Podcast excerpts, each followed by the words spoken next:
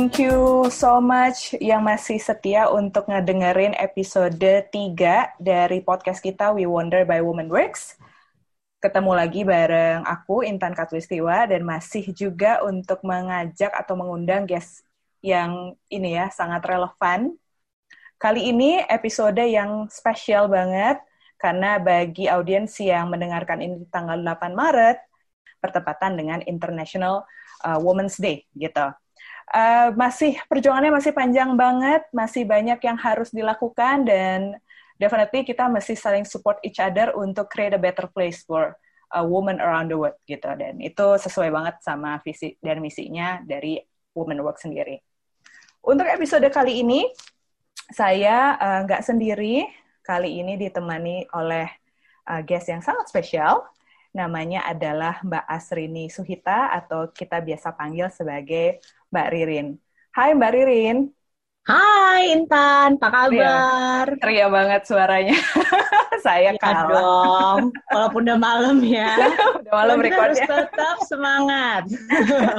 Mbak Ririn tadi cerita uh, meetingnya udah ini ya mepet-mepet terus-terusan. Mudah-mudahan masih tetap stay ini ya uh, spiritnya tuh masih tetap high gitu sampai malam. Tentu. Uh, uh. Mbak Ririn ini by the way um, role model banget uh, beliau ini adalah Senior Sales Director untuk Modern Trade di PNG Indonesia. Uh, Juli nanti 10 tahun, Congratulations. Awet ya Mbak ya? Awet, cocok. Cocok. Mbak Ririn juga adalah Women Works Mentor ya Mbak? Ya. Dengan area expertise yang luas banget. Ada account uh, and channel management, terus expert juga di trade and brand marketing, dan juga uh, saat ini tentu saja di area sales. Khusus untuk kali ini kita akan ngomongin soal managing konflik gitu. Kalau managing konflik kan, uh, kalau ibaratnya itu adalah makanan sehari-hari. Uh, saya nggak tahu nih buat Mbak Ririn ya, kalau buat saya konflik itu sebagai sebuah, saya mau mencoba melihat itu sebagai sebuah hal yang positif, karena saya tahu ketika konflik itu berakhir, saya menjadi level up, menjadi orang yang lebih uh, skillnya lebih meningkat gitu ya. Mungkin tadinya komunikasi saya dalam uh, manage konflik itu kurang baik gitu ya, tapi dengan uh, adanya gitu ya blessing in disguise ada konflik, uh, saya bisa meningkatkan itu secara tidak langsung gitu ya beberapa skill. Nah, aku yakin nih Mbak Ririn dengan pengalamannya yang sudah sangat lama uh, merambah di berbagai uh, ini ya positions gitu ya di, di PNG pasti uh, apa namanya organisasinya juga makin kompleks, tipikal orang yang dihandle juga pasti berbeda-beda, bahkan mungkin kalibernya juga pasti sudah sangat-sangat jauh dan tinggi gitu ya. Uh, aku boleh di-share nggak Mbak Ririn untuk pembuka? Uh, style managing konfliknya Mbak Ririn itu khasnya seperti apa sih gitu? Oke, okay, so Intan, I think aku pertama aku suka tuh yang tadi kamu bilang ya kan, hmm. kalau konflik itu adalah sesuatu yang positif And I totally totally agree with that.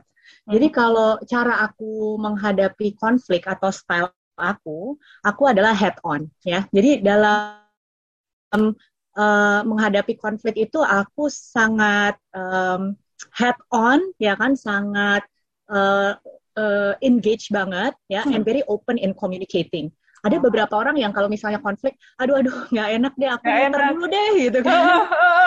Bener-bener banget. Aku lagi nggak ada energi nih untuk konflik gitu kan, mundur deh gitu. Hmm. Kalau aku head on, konflik bring it on gitu ya. Jadi aku, wow. uh, nah kenapa? Kenapa kayak gitu? Karena I actually the person who enjoys conflict, quote and quote. Hmm. Karena menurutku uh, kalau udah ada konflik, berarti clashing point of view itu udah on the table dan hmm. semakin dekat dengan solusi ya. Hmm. Jadi bayangin aku malah lebih bete kalau nih orang kok kayak nggak jelas, iya iya enggak enggak gitu kan, ah. diam-diam aja, terus hmm. habis itu hmm, hmm. tidak menunjukkan apa pun, apati, itu sulit sekali untukku untuk cari solusi, apalagi untuk mulai komunikasi aja susah karena orangnya tertutup hmm. apalagi untuk mencari solusi permasalahan gitu kan. Hmm. Hmm. Nah, sedangkan kalau udah ada konflik, biasanya itu frictionnya itu udah ada on the table, sehingga untuk mencari apa sih solusinya, apa sih yang win-win buat kita, itu jauh lebih enak dan udah uh, two step closer to the solution. That's why I say like I'm very head on, ya kan. Mm -hmm. Kalau ada konflik, ayo langsung ya kan uh, bring it on gitu karena uh, itu fuels me up untuk getting closer to solution. Jadi aku gitu sih. Ibaratnya jangan bawa uh, konflik ini ya dibawa tidur ya. Pokoknya iya, benar. Dibawa nah. tidur atau dihindari, diperlama. Aduh deh nanti aja deh nanti aja right, gitu kan. Right, uh, right, apa right. makin lama jangan mikirnya makin lama konfrontasinya. Mm -hmm. Tapi makin lama dapetin solusinya dan makin lama level up yang kayak tadi Intan bilang, masa kita mm. mau kelas satu mau tinggal kelas gitu kan. Ya udah ditunda-tunda aja deh ujiannya gitu kan. Bener Just banget. go for it ya kan. Uh, akselerasi kalau bisa gitu. Tapi Mbak, kalau misalnya um, apa ya? Kadang kita merasa bahwa oh ini adalah potensi konflik atau kalau misalnya kita tidak solving ini segera, pasti kan akan merembet ke mana-mana gitu ya.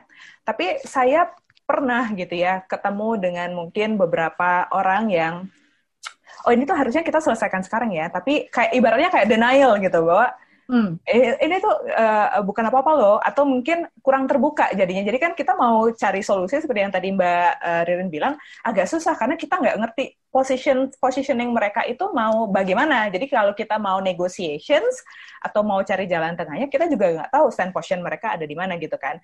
Uh, yeah. How to bring ini ya transparency dan openness juga dari pihak yang berseberangan atau pihak yang kita memang sedang berinteraksi gitu ya, untuk bisa lebih terbuka, Mbak. Nah, pertama-tama tuh kalau uh, ini juga mungkin tipsku kali ya, kalau hmm. supaya lebih sane gitu ya dalam menghadapi konflik yang semakin kita tinggi dan semakin banyak yang kita lakukan itu semakin banyak kan ya. Hmm. Jadi pertama itu uh, active listening saat konflik itu terjadi kalau orang itu vokal ya dan active listening even when orangnya nggak vokal. Nah apa tuh maksudnya?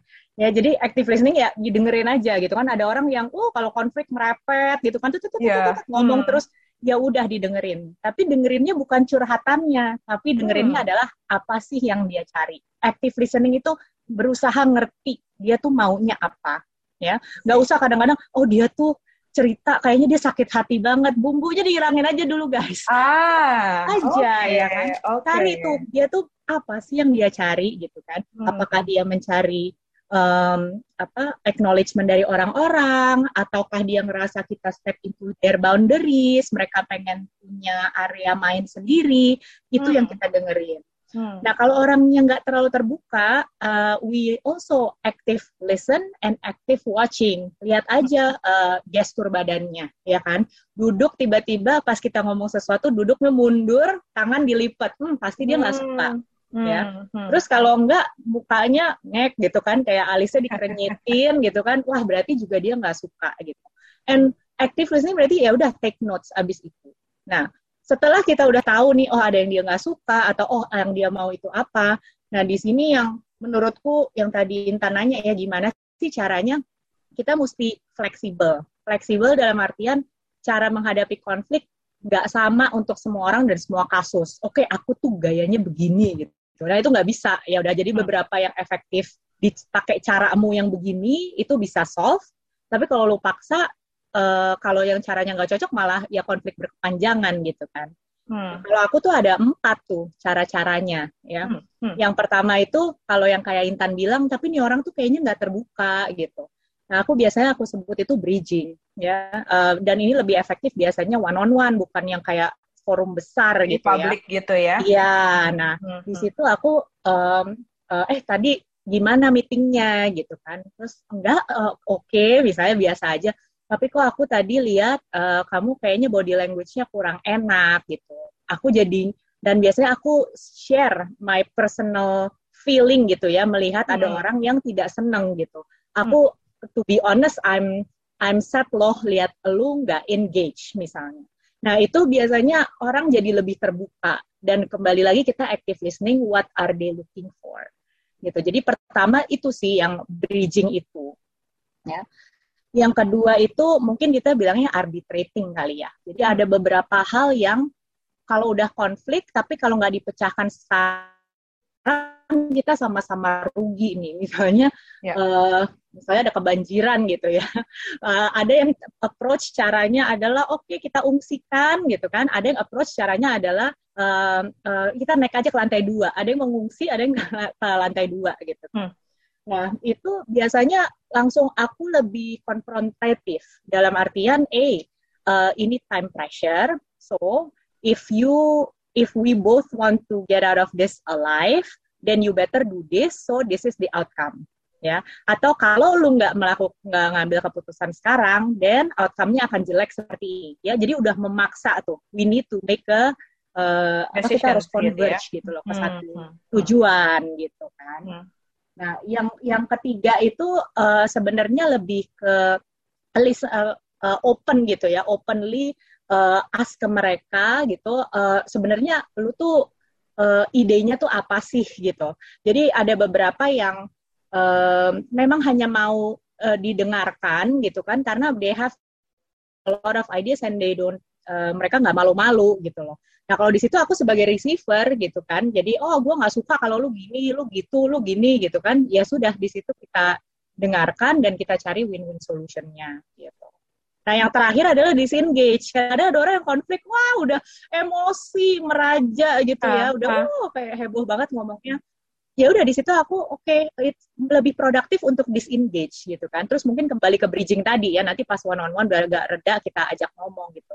Tapi kalau udah kayak gitu oke okay, uh, I get it uh, let's take a break gitu kan. Uh, it will not be productive. Coba deh gue pikirin apa yang lo omong gitu saya memang kadang uh, yang bikin konflik nggak selesai-selesai itu lebih ke ego juga ya mbak ya dalam artian oh, kayak oh, iya Uh, kan kita tuh merasa bahwa oke, okay, apalagi misalnya kalau kita udah melibatkan, udah involve banyak banyak pihak gitu ya, pokoknya gue nggak mau kalah nih kelihatan kelihatannya. Kadang-kadang egonya yang jalan begitu kan. So I think berarti itu adalah satu resep bahwa konflik itu nggak bakal selesai kalau egonya kita nggak bisa uh, di ini ya di manage dengan baik dulu kalau aku tangkap nih. Berarti. Benar dan uh, konflik dengan atasan misalnya ada atasan yang tidak mau salah misalnya. Hmm Hmm. Ya sudah, berarti kalau di big meeting janganlah kita bilang lo salah gitu. Jangan cari dong. kayak gitu kok gitu kan. Jadi ya sudah terima. Karena susah loh merubah orang ya kan. Juga perlu apa adjust diri sendiri. Gitu. Right, right. Manage Jadi be like a ya. water ya? aja. Hmm, iya kan batu kan ditetesin air berkali-kali juga bolong kan. Ya udah uh, kita aja yang apa cari-cari uh, cari cara yang terbaik untuk mengatasi situasi itu. Karena again we're trying to find a solution, right? Uh, at the end that's what makes everyone happy gitu. Ini butuh jam terbang kayak Mbak Riri nih kayaknya nih, untuk melihat dan membaca situasi lebih lebih jeli lagi. Belum tentu, aku juga masih suka salah. Wow, kalau udah salah, wow salah banget nih. Tiba-tiba apa merepet ke mana-mana. uh, Mbak Ririn kalau misalnya um, dibanding dengan posisi yang sekarang gitu ya sebagai uh, senior sales director, pasti kan kaliber konfliknya itu berbeda dibanding kalau misalnya dulu masih awal-awal gabung di PNG gitu ya. Apa yang dirimu lihat uh, perbedaan signifikan ketika memulai karir sama di posisi yang sekarang nih? Uh, kalau menurut saya tipe-tipe konfliknya sih sama-sama aja ya. Yang tadi harus di bridging, yang harus di arbitrating, yang harus di disengage itu sama aja. Tapi resikonya jika konflik itu tidak di manage dengan cepat, dengan baik, eh, itu resikonya yang jauh lebih besar. Kalau dulu misalnya bisnis uh, masih satu juta gitu kan, yang terimpact mungkin sekarang 50 juta gitu kan. Jadi resiko dari bisnis lebih besar. Right. Selain itu yang paling paling apa? Yang paling selalu bikin saya jauh lebih hati-hati itu adalah resiko yang berhubungan dengan orang atau berhubungan dengan employee keseluruhan gitu. Hmm, hmm. Uh, di PNG kan kita um, karena saya memang gede di PNG ya itu kan people is our number one priority right. Jadi yeah. kalau konfliknya itu menyangkut uh, banyak employee ya kan menyangkut employee kita itu saya kalau ego harus turun gitu kan kalau konflik sama kolega saya ya nggak apa-apa lah gitu karena it's hmm. it's for the greater good gitu. Mbak Ririn, kalau misalnya nih uh, karena kita di Women Works kan woman first ya, dirimu melihat ada uh, something yang bisa berbeda nggak sih dibawa sebagai seorang perempuan gitu ya dalam uh, building uh, their own style to manage uh, conflict? Dibanding menurut, misalnya uh, laki-laki ya. Oke, okay. menurut saya sih semua orang itu regardless laki-laki atau perempuan itu punya stylenya sendiri-sendiri ya. Yeah. Ya. Uh, kalau di masa-masa sekarang gitu, mungkin kalau saya reflect back uh, ikut apa ya intern dulu ya intern di perusahaan orang gitu-gitu hmm. hmm. emang beda tuh ya kan perempuan uh, lebih lebih uh, menghindari konflik kalau dulu saya perhatikan gitu kan lebih uh, mungkin lebih approach-nya lebih gentle gitu kan hmm. tapi kalau saya lihat sekarang sih uh, everyone itu punya punya stylenya sendiri as a human being on how to manage conflict It's yeah. more of capability instead of gender. Gender gitu. ya. Ya, jadi itu mereka punya semua punya caranya masing-masing gitu. Ya, ya, tergantung nah, efektifnya yang, ya. Iya, tergantung efektivitasnya ya. Jadi memang udah banyak sih pintu-pintu yang kedobrak gitu ya di dunia modern ini apalagi I, I work with a lot of young people gitu kan. Yeah. Um, apa namanya? Uh, udah udah banyak lah uh, stigma-stigma yang yang yang kedobrak gitu. Hmm. Uh, if I can if I can uh, use one thing ya yang aku perhatiin mungkin uh, women bisa leverage more hmm. itu adalah uh, the fact that uh, in life gitu kita ada beberapa role yang biasanya kita embarking lebih dini gitu kan. Hmm. Hmm. Uh, dalam artian misalnya dari awal uh, ada beberapa women itu ada ekspektasi-ekspektasi gitu kan ya. Kalau aku sih ngerasanya waktu kita di brought up gitu, there's expectation for us to be uh, good mother, good apa, good apa gitu kan. Uh, ada uh, ada berbagai macam uh, ekspektasi dari society. Nah itu yang menurutku membuat kita jadi kadang-kadang uh, lebih peka saat active listening itu gitu ya. Kan di step pertama itu kan active listening tuh gitu. Apa sih yang orang ini mau gitu.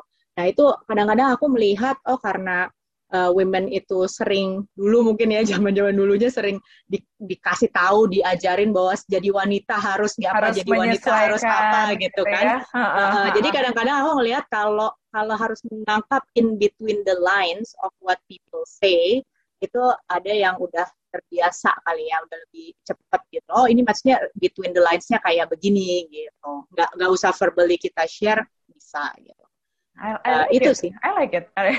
Read between the line ya. Salah satu mungkin yang bisa dielaborate more karena naturally atau mungkin secara set sosial kita memang uh, banyak dituntut untuk understand pihak lain seperti apa atau ekspektasi pihak lain seperti apa. I think yeah. that's, that's a very good point, Mbak Ririn. Mm-hmm. Oke, okay, berikutnya kita, Mbak Ririn, sudah menerima beberapa story dari audiensnya We Wonder gitu ya, terkait dengan konflik atau uh, tanda kutip drama lah ya mbak ya yang mereka hadapi saat ini gitu tadi aku aku capture gitu kalau misalnya kita dalam berkonflik bumbu-bumbu personal feelingnya tuh kalau sebisa mungkin tuh agak dibuat lebih objektif lah ya maksudnya iya, benar. dipecah tapi ini story karena story dari satu sisi dan kita tidak mendengarkan sisi yang lain kan mungkin ini bisa jadi sangat sangat subjektif gitu ya. Kita apa -apa. coba bedah gitu ya uh, apa namanya sebagai pihak yang ya ketiga lah ya pihak yang harusnya lebih objektif gitu untuk melihat apa yang mungkin uh, audiens atau teman-teman yang lain yang saat ini mendengarkan punya masalah yang sama, how to handle sih gitu ya, better ke depannya. Sesuai dengan uh, apa namanya suggestion, masukan dari Mbak Ririn juga story kita yang pertama nih. Ini anonim semua ya, Mbak Ririn ya. Iya. Iya, biar biar ceritanya juga lebih pol. Uh, uh, uh, kesamaan cerita itu mungkin ini ya, ketidaksengajaan gitu kalau ada. Oke, okay, ini story kita yang pertama.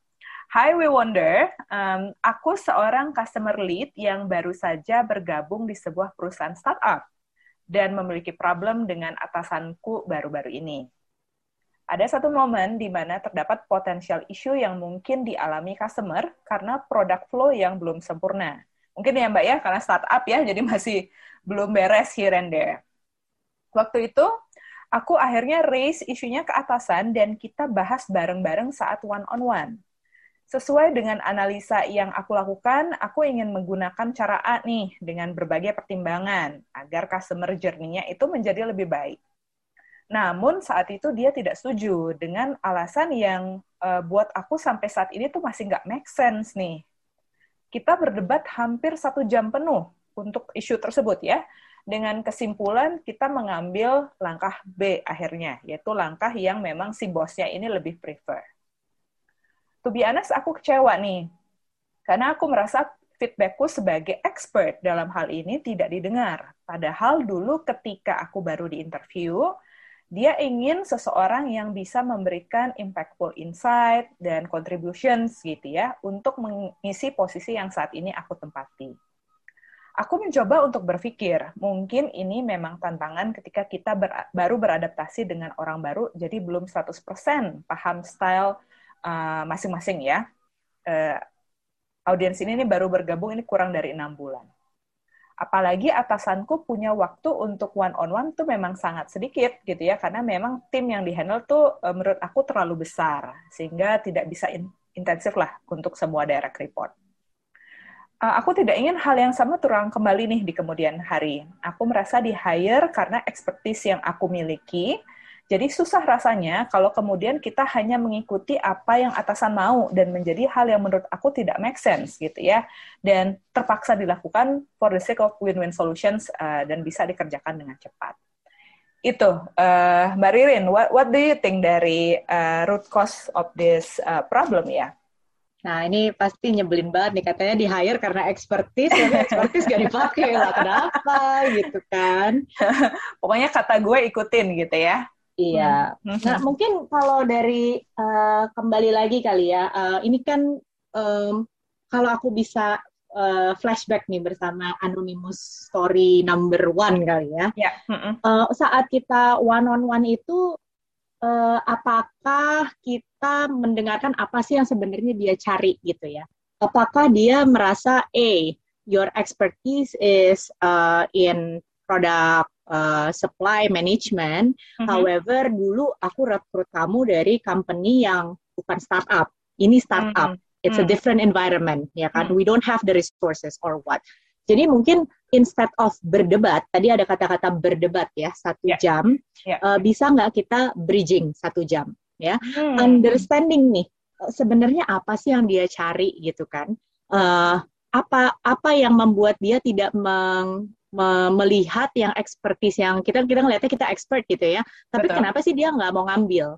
Kalau hmm. tadi aku dengerin dari ceritanya banyaknya berdebat tentang how how to solve the issue ya kan tapi hmm. uh, why bisa nggak kita coba mengerti kenapa sih uh, the way I recommend is not something that you are looking for instead of berantem cara A sama cara B bisa nggak kita uh, lebih mengerti dari point of view-nya orang ini uh, right. why he thinks cara A lebih baik daripada cara B, ya kan? Ya. Apa sih faktor lain yang menyebabkan cara B ini yang katanya aku expert tidak cocok dengan uh, situasi ini, hmm. gitu. Nah, jadi instead of one uh, one hour debating, let's do one hour bridging, try hmm. to understand, ya kan, further. Mungkin lebih banyak kita listeningnya, tapi at the end kita bisa influence dia dengan ya tadi win-win solution itu kan? Win-win itu kan uh, mbaknya tadi pengennya win-win gitu ya. Yeah. tapi sebenarnya mbaknya juga nge-push caranya dia doang karena dia paling expert. Nah itu juga bukan win-win. Itu berarti hmm. kamu win bosnya lose ya. Kalau memang spiritnya mau win-win try to understand uh, bosnya itu maunya apa. Terus uh, really mungkin kompromi sedikit di bagian yang kita suggest. Uh, dan ditambahin punyanya si bosnya or the other way around sehingga it's truly win-win gitu. Aku juga mungkin ngelihat celah gitu ya Mbak ya. Kadang uh, well aku uh, ada pernah ada di posisi yang sebagai bawahan juga dalam konteks uh, sebagai bawahan ya, bisa juga dalam konteks sebagai atasan.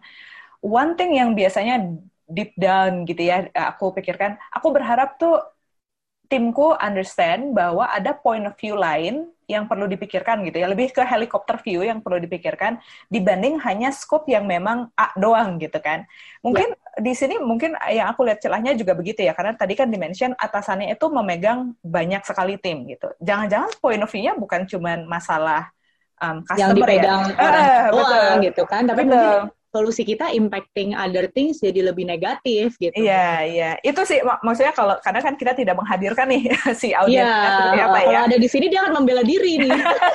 oh enggak kok gitu. ya. Mana sini minta Tapi mudah-mudahan ya yang yang punya problem yang sama atau mungkin eh, sama bosnya gitu ya, coba trying to understand juga gitu ya, uh, point of view apa atau celahnya tuh sebenarnya di mana yang kita tuh belum cover dan menurut bos kita dicari why-nya dulu ya Mbak ya, berarti? Iya. Kenapa sih kok B itu ditolak? Ada nggak sih bagian dari B yang oke okay, gitu? Bagian hmm. mana sih dari B, maksudnya B yang proposalnya si audiens ya? ya. Uh, bagian mana sih yang nggak oke okay, gitu kan? Terus kalau ada helikopter view, apa ya bagian yang aku nggak bisa lihat tapi uh, bosnya lihat gitu. Nah, hmm. jadi itu tuh uh, mungkin tadi berhubungan juga dengan ego gitu ya. Uh, uh, aku uh, saranin phrasingnya adalah what are the things yang you can see that I cannot gitu. Hmm. Uh, ada nggak kayak gitu? Biasanya orang tendensinya lebih terbuka gitu kan. Ya, ya, ya, ya. Saat kita bilang kita mau win-win solution, uh, harus otentik bahwa mau win-win berarti anda juga harus mau di-influence kalau mau win-win gitu kan. Uh, kalau maunya uh, win sendiri berarti win lose berarti memang kita nggak mau di-influence gitu loh.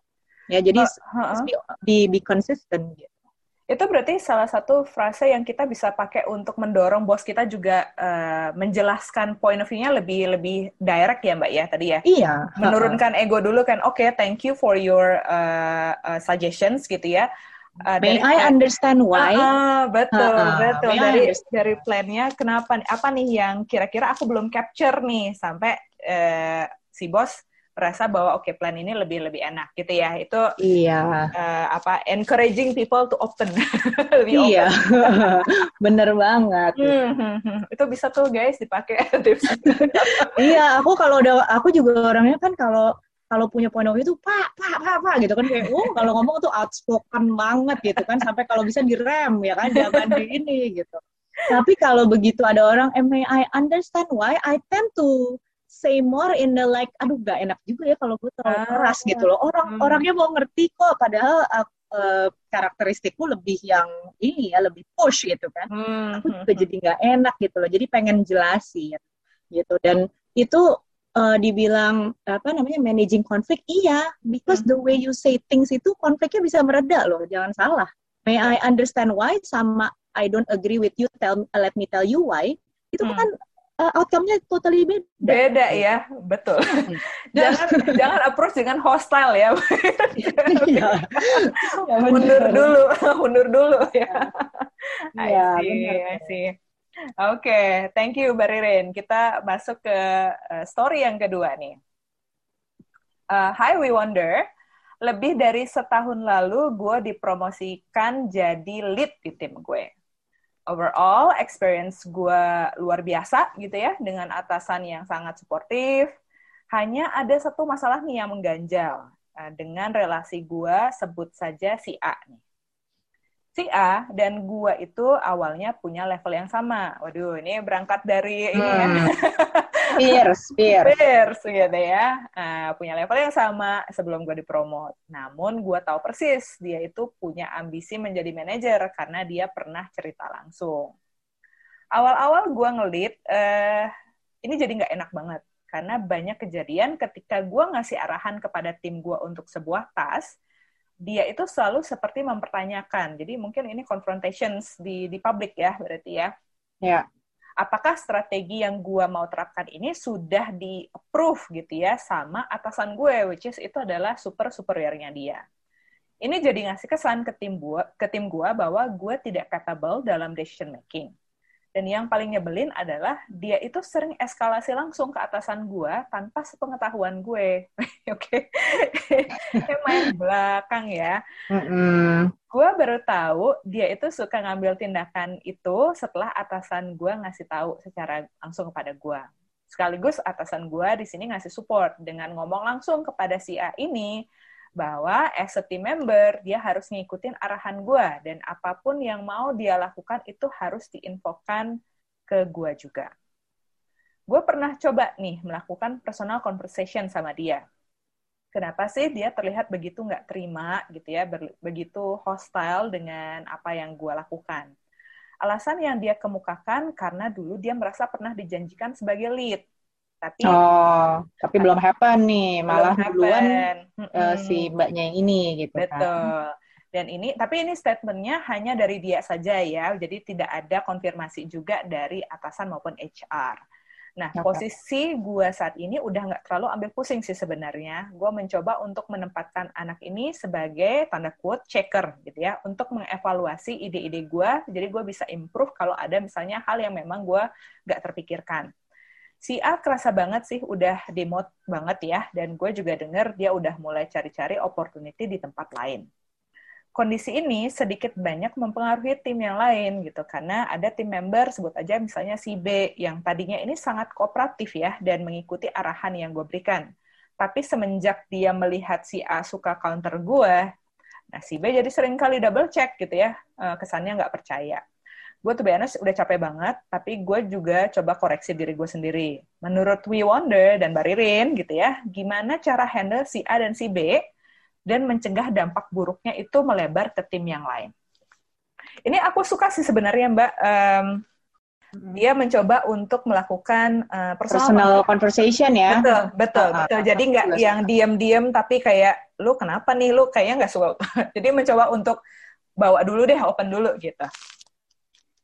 Ya, uh, aku ya aku juga mau ngomong yang sama ya kan untuk um, audiens yang share ini pertama uh, great job gitu kan udah hmm. lower down ego gitu kan juga yeah. untuk uh, personal conversation gitu terus habis itu uh, apa namanya fokus ke ke uh, pekerjaan gitu ya tidak hmm. terlalu ke bawah drama tapi mau gimana juga dramanya mempengaruhi orang lain gitu kan sehingga yeah. balik lagi nanti ke performance of the team dan performance sendiri nah kalau aku sih uh, ada dua kali ya tipsnya ya Mm-hmm. Uh, pertama, gimana cara handle si A dan B dan mencegah dampak buruknya ke tim yang lain? Uh, have we ever nurture tim lain, tim member lain?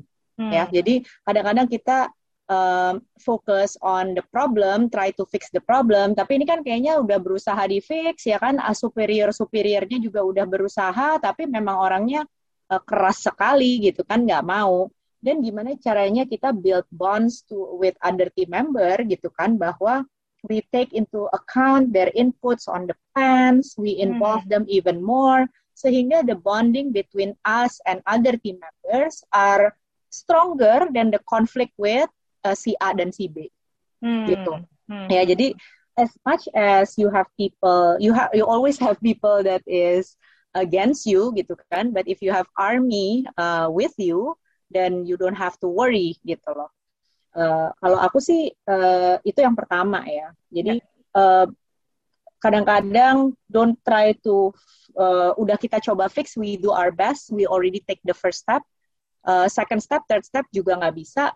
Then uh, focus the energy on on the people that matters karena masih mendengarkan dan masih masih bersama-sama dengan kita gitu kan strengthen that uh, rather than uh, this gitu. Ya, yeah, yeah. Nah, yang kedua mungkin uh, satu yang aku perhatikan dari kasusnya ada superior superiornya dia gitu ya yang uh, kayaknya nih si A ini uh, lebih comfortable justru ngomong sama si hmm. superior superiornya dia gitu. Right. How can we have allies ya kan uh, and ask for help dari superior superior kita gitu kan untuk penetrate gitu loh. Hmm. Um, uh, what's what's going on gitu kan? Kalau memang pernah dijanjikan seperti ini dulu apa sih? Kalau dia nggak terbuka sama kita, bukan berarti kita yang harus solve problem dan dia harus sampai terbuka sama kita gitu loh. Hmm. Jangan dipaksa, emang orang yang nggak nyaman kok gitu kan. Tapi yeah. gimana kita leverage si superior superiornya itu mungkin ini kayak jadi kayak mentornya si A dan si B gitu ya. Uh, and try to uh, penetrate more into these two people and guide them to towards a, a more collaborative. Kalau di sini kan kayaknya uh, superior-superiornya itu lebih ke uh, menyuruh si tim member itu ngikutin arahan gue dan apa pun yang dia mau kerjain katanya harus info dulu ke gue gitu kan.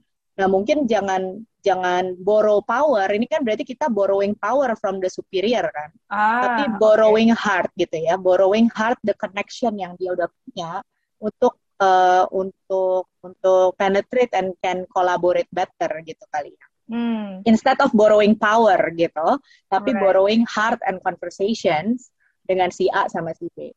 Nah ini aku to be honest uh, kalau di PNG itu kan ada mentorship ya, mentorship gitu tuh. Jadi uh, uh, di within PNG sendiri gitu kan. Yeah. Nah, jadi uh, itu sering sekali tuh sebagai sesama mentor gitu ya. Itu ada ada coaching to be a good mentor and so on gitu. Dan how to be a good line manager gitu kali ya. Hmm. Kadang-kadang nggak harus solve sendiri gitu isu yang kita punya sama people. Sometimes people uh, ada yang vibe-nya nggak cocok aja gitu kan. Tapi uh, iya benar, ada benar, loh. Benar. Uh, kan mau diapa-apain ngamuk terus ya udah disengage terus dong gitu kan. Hmm. kan harus work dan iya. sebagai yeah. sebagai sebagai atasan menurut saya sih itu tanggung jawabnya di kita gitu ya. Jadi yeah. apakah kita um, melingkar gitu ya, cari yeah, cari yeah. cara yang lain melalui orang lain. I think that's my second tip yang mungkin bisa dicoba kali ya. Hmm. Ini uh, mudah-mudahan uh, apa atasannya suportif ya. Kalau aku dengar dari ceritanya sih yeah. dia malah suportif di awal kan. Mm -hmm, uh, betul, tapi betul. keluarnya mungkin kayak lu pokoknya dia atasan lu lu ikutin dia gitu Ikut ya, ya namanya gitu. juga namanya juga dibenci uh, ya kan aduh uh, uh. ikutin mungkin kenapa sih emangnya gitu nanti dari nah. situ bisa banyak solusi tuh apakah memang uh, jangan di tim itu ya kan Iya, iya. diputar gitu kan mungkin uh, di tim itu jadi nggak produktif tapi di tim lain yang tidak ada konflik ini jadi bisa di ini ya di kah gitu di kan. leverage ya. Iya gitu sih kalau dari dari aku gitu. ini changing mindset aku juga sih sebenarnya Bari soalnya uh, to be honest, ketika misalnya aku, ah, ini pengalaman pribadi ya Mbak ya, kalau aku udah problematik dengan um, apa namanya misalnya bawahan atau misalnya mungkin peer tapi uh, under the same uh, boss gitu ya, aku cenderung untuk uh, ini baru the power, benar. Jadi kayak iya jangan baru. itu nggak sustainable kan bukan punya kamu kok. uh, tapi tapi memang paling cepet kan, maksudnya kayak seolah-olah itu kayak fixing the problem, tapi itu kayak cuman nahanin sementara doang. Setelah aku pikir-pikir, oh, bener juga ya. Dan lama-lama kebas loh orang. Iya, ya iya, kan? iya. Kenapa? Uh, uh, Karena uh, begitu ngomong sama orangnya langsung, belum tentu orangnya langsung itu misalnya borrow power dari bosnya gitu ya, yeah. belum tentu pas bosnya dihadapan dengan yang sama reaksinya semenyeramkan yang saat diceritakan gitu loh. Yeah. Ngerti gak kayak, eh lu jangan gini, soalnya kan kata dia begini gitu kan, kayak uh, apa uh, nanti si bos ini juga kita gini loh. Ya belum tentu juga dia orangnya gitu gitu kan. Makanya makin lama makin gak efektif tuh borrowing power itu. Dan dan misalnya aku sebagai orang yang uh, ini ya meminjam gitu ya meminjam powernya bos. Lama-lama jadi uh, keenakan mbak. Kayak iya. ya, kata bos gini aja. Jadi pak pinjam yeah. nama gitu dan. Ya bener sih harusnya jadi nggak sustainable ya kalau cuman cuman um, pakai power tanpa hatinya juga di di approach ya. Uh, uh, iya. dan hati-hati borrow power itu besok-besok dia langsung bablas bener ya juga. kan kata bos ya kan tanya aja sama si bos. Taunya bos bilang enggak aku gak pernah ngomong kayak gitu. Karena se sebanyak apa sih lu harus ngecek sama bos lu setiap tindakan kan gak mungkin. Definitely definitely. Jadi itu sih. bablas Oke, okay, thank you banget Mbak Ririn. Uh, Sebenarnya masih banyak pertanyaan gitu ya, apa request-request yang masuk. Tapi uh, kita limit gitu ya, story nih per satu sesi, jadi lebih concise juga untuk dinikmati uh, oleh ya. audiens. Uh -uh, betul. Mbak, aku boleh minta nggak key takeaways-nya satu buat closing gitu. Uh, what will be your uh, suggestions gitu ya? Buat maybe ladies di luar sana yang uh, mau atau sedang berkonflik gitu ya, ada satu nasehat umum gitu yang bisa di-share. Oke, okay, jadi kalau dari aku, um, conflict is not a bad thing at all. It is actually a Definitely. good thing Definitely. karena it it means that you are one step closer to a solution. Karena frictionnya itu already on the table. So the issues are already on the table. Nah, uh, sama kayak tadi storiesnya curhater-curhater, isunya itu udah ada sehingga kita bisa memberikan tips gitu ya. Tapi kalau dibilang ada yang nggak enak nih di kantor, tapi nggak tahu apaan, nah itu berarti belum terjadi konflik dan tidak hmm. bisa dibantu mencari solusi gitu. Hmm. Jadi konflik is definitely not a bad thing, uh, so don't avoid it ya. Um, yang kedua, once we are uh, trying to uh, embrace and and deal with the conflict uh, be flexible. In a way not all conflicts are created the same. So not all solution to the conflict should be one size fit all. Kadang mungkin kita harus bridging ya kan dengerin pihak lain in the spirit that we also want to be influenced. Kadang kita harus arbitrating dalam artian eh there is no time. This is urgent. You need to do this in order for us to deliver that. Kalau enggak kita sama-sama rugi misalnya. Mungkin ada yang ketiga gitu kan. Ada orang yang lebih suka untuk uh, diajak kerja sama dan create something together untuk menghindari si konflik dan then just do it gitu. Yang terakhir kalau emosi juga run high, jangan di bridge atau di arbitrate gitu ya. Orang lagi emosi banget ya di disengage. So kita sebagai orang yang embracing conflict and looking at uh, eyes on the prize on the solution, adjust our way karena our goal is to resolve the conflict not to dwell in the conflict. Gitu. Itu mungkin tipsku yang kedua. Yang ketiga, uh, talk to as many people as possible. Hmm, hmm, uh, expand your horizon. Hear other people's stories on how managing conflict in their experiences. Yeah. It enriches us gitu. Uh, sehingga waktu kita dihadapkan dengan konflik, kita punya library of how people resolve it. Jadi kita quicker on our toes uh, to choose the best approach on managing uh, the conflict. And then go have fun. Go have go fun. Have fun. Go ya have kan? fun. Di and, ujung and, ujung jalan kita pasti level up ya, Iya, ya? di akhirnya you guys will level up and give yourself a pat on the back. Eh, you used to avoid conflict, now you head on on conflict. You used to solve conflict in two months, now you solve it in one month. You know, that is uh, that that show skill yang kayak tadi aku bilang nggak ada ya misalnya uh, karena laki-laki lebih good dengan konflik perempuan nggak nggak it's all about skill jadi kalau nggak pernah practice avoid terus ya nggak bisa manage konflik gitu. Thank you so much Maririn for your suggestions, tips, solutions ya buat semuanya. Yeah, welcome. Thank you everyone for listening. Enjoy. Thank you Maririn. Bye-bye. Bye. bagi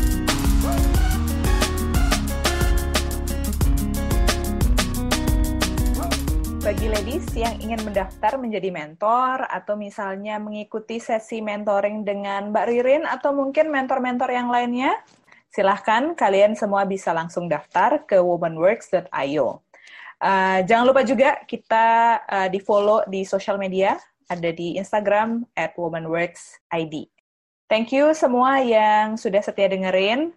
Kita nanti ketemu lagi di episode berikutnya dengan topik yang uh, menarik, dengan topik yang berbeda definitely dan bisa sharing lebih banyak story dari audiens maupun mentors dan uh, guest lain yang relevan dengan topik yang akan kita bahas.